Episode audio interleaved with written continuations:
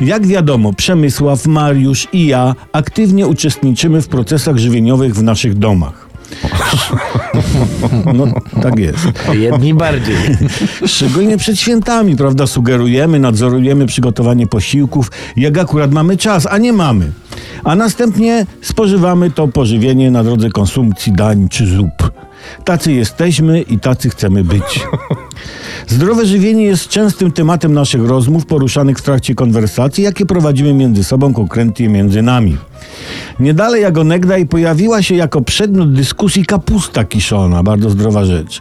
Ja słusznie zauważyłem, kapusta kiszona to szatkowana kapusta poddana kiszeniu przez zasolenie i fermentację.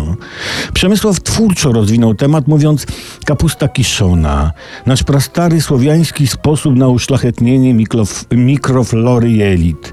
To dzięki niej od wieków sami w sobie odnajdujemy swoje oparcie.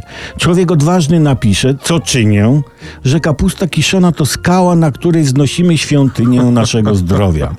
No, troszkę Przemysława poniosło, co skomentowałem zdanie. Z tym prastarym słowiańskim sposobem to bym uważał, bo dopiero za królowej Bony przytargano kapuchę do Polski, stąd nazwa wiatrów po kapuście Bony.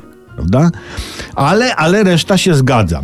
Jak więc widzicie, do jedzenia, szczególnie tego przygotowanego na Wigilię, można, a nawet trzeba podchodzić z wiedzą i pietyzmem i trzymać się z dala od kuchni, bo na pietyzm nie starczy wtedy czasu.